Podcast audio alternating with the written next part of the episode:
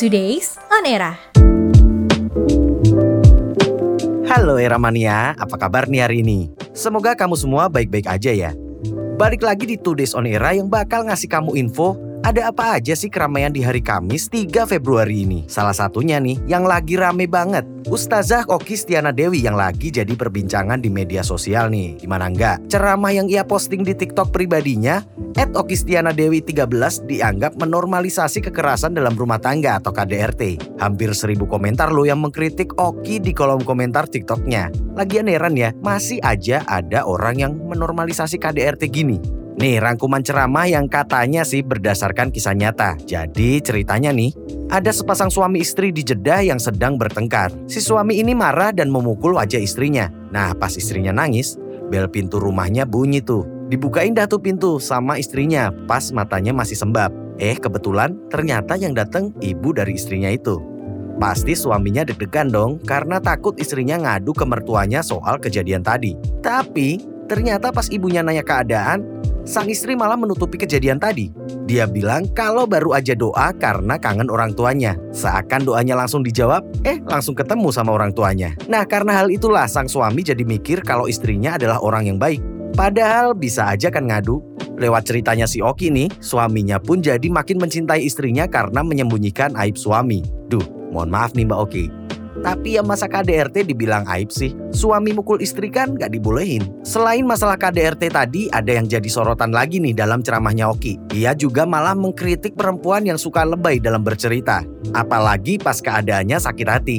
Wah, ini ceramah kenapa arahnya jadi begini ya? Pantes aja dikritik habis-habisan sama netizen. Jangan mau deh terjebak dalam toxic relationship ya. Apalagi malah menyebar ajaran yang seakan menormalisasi KDRT. Jadi viral kan? Tapi viral yang penuh hujatan. Kayak kejadian viral satu ini nih. Sebuah video menunjukkan kerumunan massa di Mall Festival Citylink Bandung saat perayaan Imlek. Waduh, pada pingin kawanan sama Omikron atau gimana nih? Kejadian yang terjadi pada 1 Februari 2022 di Mall Festival Citylink Bandung ini langsung jadi sorotan netizen. Video viral tersebut diunggah oleh akun Twitter @kakakeo. Saat itu, ribuan orang meramaikan acara atraksi barongsai di mall tersebut.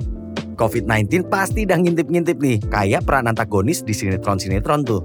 Kalau kata Ketua Satgas Penanganan COVID-19 Kota Bandung Asep Gufron sih, baru 10 menit berjalan, acaranya udah dibubarin. Selain itu, mall tersebut kabarnya juga bakalan disegel. Marco Manager Festival Citylink Denis Setiawan juga bilang, kalau pihaknya telah menerapkan protokol kesehatan. Kerumunan tersebut juga di luar dugaan.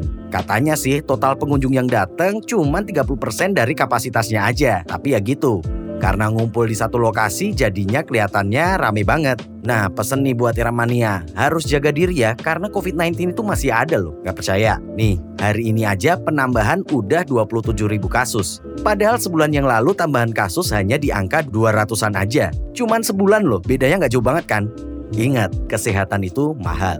Nah, tahu nggak Eramania apalagi yang mahal selain kesehatan? Ya, minyak goreng. Saat ini mau cari minyak goreng sesuai harga eceran tertinggi pasti susah tuh. Masih ada aja yang jualan di harga Rp19.000. Padahal harga eceran tertingginya harusnya Rp14.000. Kenapa kira-kira? Komisi Pengawas Persaingan Usaha atau KPPU menduga adanya kartel produk minyak goreng.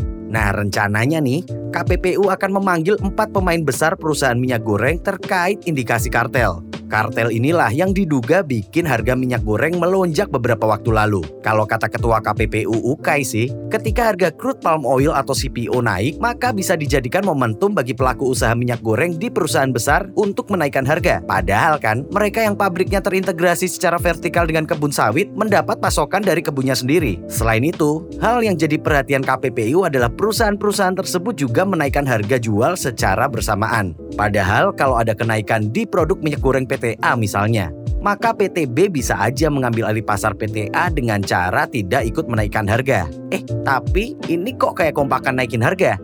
Wah beneran jahat sih ini kalau apa yang dibilang KPPU bisa terbukti. Padahal orang-orang kan lagi jerit-jerit sama harga minyak goreng yang mahal. Giliran tahu ada minyak goreng sesuai harga eceran tertinggi, langsung pada panik buying borong semua tuh. Ya semoga aja masalah harga minyak goreng ini cepat terselesaikan ya. Seperti Today's On Era hari ini yang udah selesai nih. Tadi udah ada berita tentang ceramah Oki Stiana Dewi yang dianggap menormalisasi KDRT soal kerumunan di Mall Citylink Bandung saat Imlek.